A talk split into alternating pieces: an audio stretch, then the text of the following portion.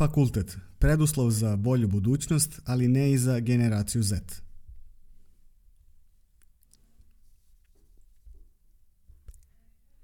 Upis na fakultet mnogi mladi smatraju jednim od najstresnijih perioda u dotadašnjem životu jer im je sa svega 19 godina nametnuta odluka da odaberu čime žele da se bave tokom celog života.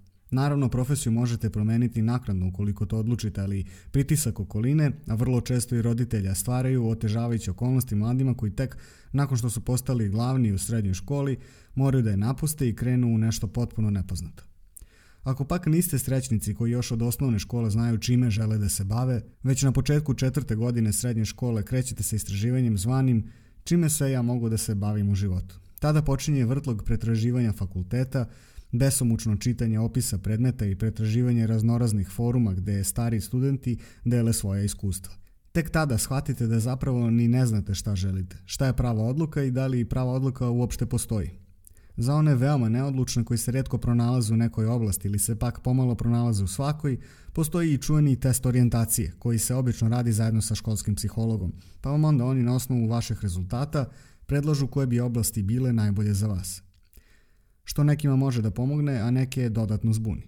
A onda kreće ponovo traganje i pitanja šta upisati i da li nešto upisati, koja profesija se kasnije može isplatiti, da li je prava stvar upisati fakultet koji volim, Da li možda bolje otići na neki ubrzani kurs ili se posvetiti nekom zanatskom zanimanju?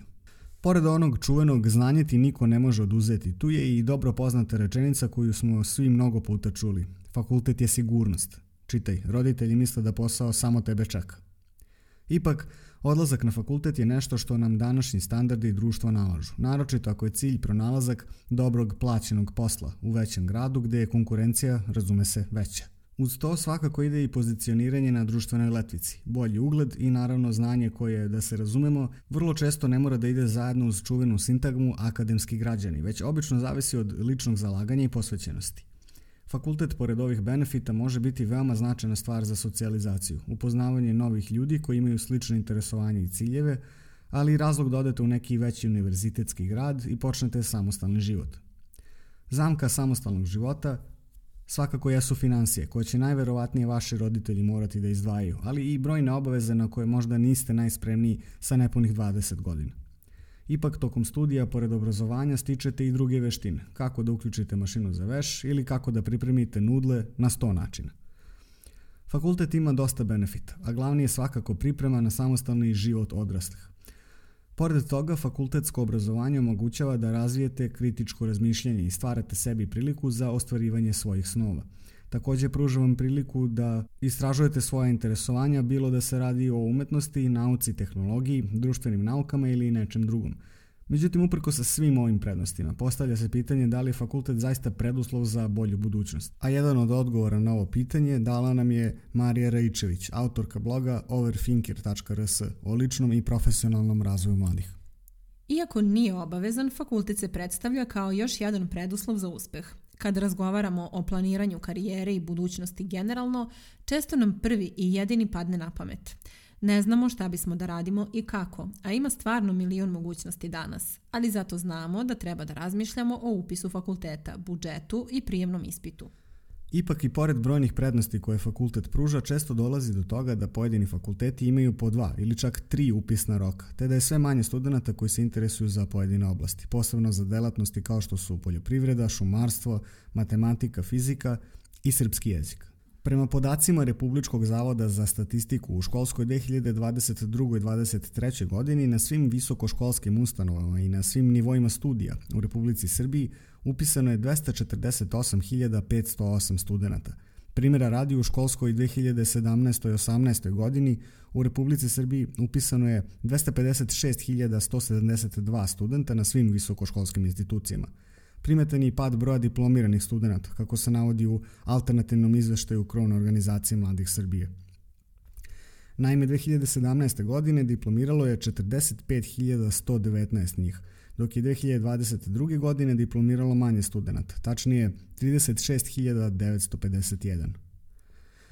Iako je očigledna razlika u broju upisanih, ali i diplomiranih studenta u odnosu na ove dve godine, broj studenta koji pohađaju fakultete često varira, što ima veze i sa demografijom. Kako se navodi u tekstu na sajtu Nedeljnika Vreme, u Srbiji je prema podacima Zavoda za statistiku za oko 60.000 manje đaka u odnosu na 2013-2014 godinu. Međutim, brojni fakulteti istakli su nezapamćeni broj slobodnih mesta, čak i na budžetu. Na fakultetima Univerziteta u Beogradu, kako se navodi u tekstu na sajtu Glas javnosti, nakon prvog upisnog roka ostalo je ukupno 1893 slobodnih budžetskih i 1849 samofinansirajućih mesta za buduće studente. Od toga najviše na Poljoprivrednom fakultetu, zatim na Filozofskom, Tehnološko-metalurškom i Rudarsko-geološkom. Slična situacija dešava se i van Beogradskog univerziteta, gde je interesovanje znatno opalo. Primjera radi Univerzitet u Kragujevcu je, kako se navodi na sajtu, objavio da je gotovo trećina fakultetskih mesta za upis na 2023-2024. školsku godinu ostala nepopunjena. Ipak prema navodima Kragujevačkog univerziteta primećuje se sve manje interesovanje za upis na smerove koji predviđaju rad u prosveti, kao što su filološke i prirodno-matematičke nauke. Odmah zatim sledi smer za fiziku, gde je svega 36 od 100 mesta popunjeno, a kada je reč o filološkim smerovima, najveći pad u interesovanju je na smeru za srpski jezik i književnost, na kojem od ukupnog predviđenog broja tek 37 od 100 mesta popunjeno.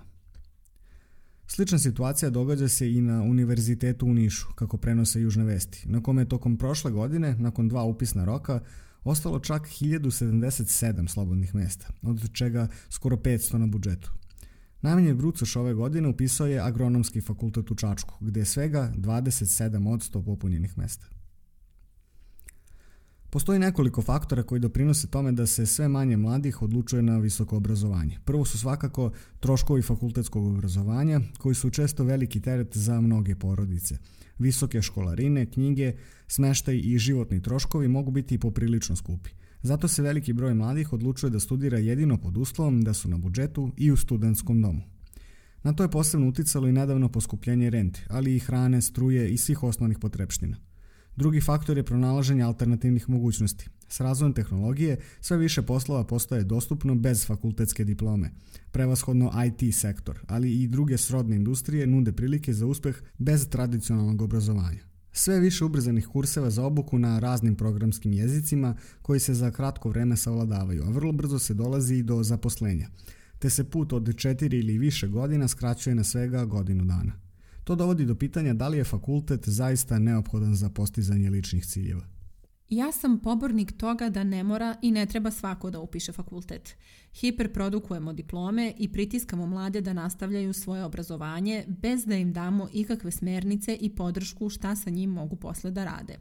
Bez ideje šta žele i mogu da rade, koje znanje, veštine i obrazovanje im je za to potrebno, lako je izgubiti želju i motivaciju. Ako na to dodamo sujetne profesore, neusklađenost obrazovanja sa tržištem rada, sve gore materijalne uslove, visoke školarine i troškove studiranja generalno u odnosu na primanja jedne prosječne srpske porodice, ne mogu zameriti mladima koji se odluče da ne upišu fakultet ili od istog odustanu.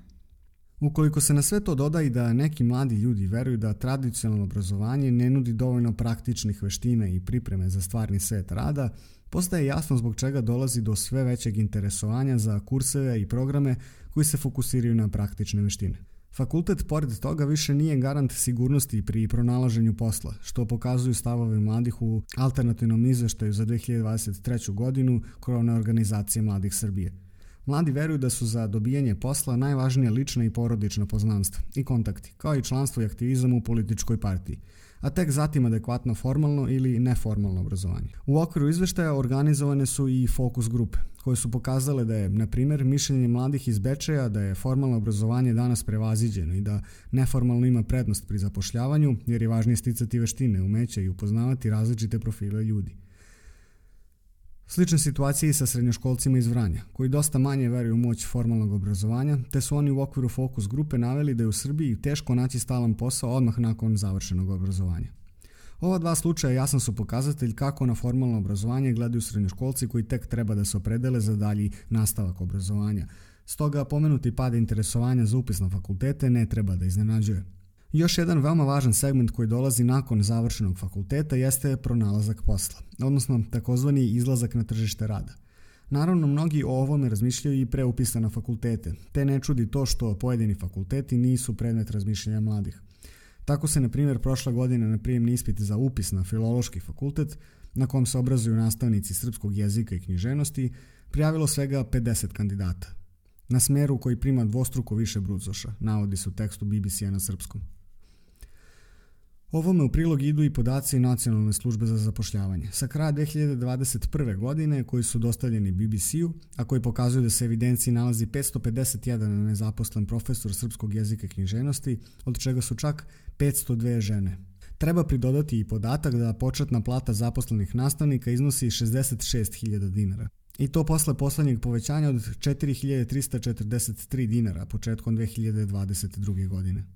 Početna plata nastavnika mnogo je ispod proseka prosečne zarade u Srbiji za 2023. godinu, koja iznosi nešto više od 86.000 prema podacima Republičkog zavoda za statistiku.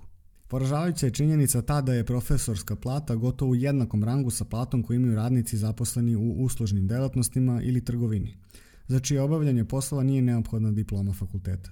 Ovo je samo jedan od primjera loše perspektive određene profesije, iako je srpski jezik i književnost jedan od osnovnih i može se reći najvažniji predmet tokom celog osnovnoškolskog i srednjoškolskog obrazovanja, koji je zapravo presudan za opesminjavanje celog našeg društva.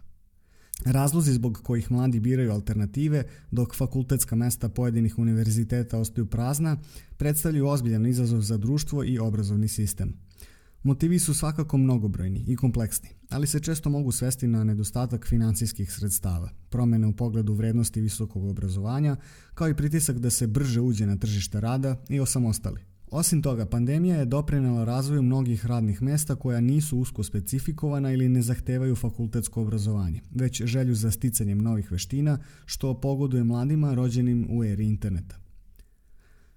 Ipak, važnost fakultetskog obrazovanja je svakako neupitna, a kako bi se trenutne statistike preokrenule, potrebno je preduzeti odgovarajuće mere, poput veće dostupnosti stipendija i finansijske podrške za studente, promocije značaja visokog obrazovanja u društvu i prilagođavanja obrazovnih programa i kurikuluma potrebama tržišta rada. Takođe, važno je posticati razgovor među mladima o njihovim ambicijama i ciljevima i pratiti tekovine društva i napredak tehnologije kako bi se osnažila njihova motivacija za sticanje visokog obrazovanja, što će dugoročno koristiti ne samo njima, već i celom društvu.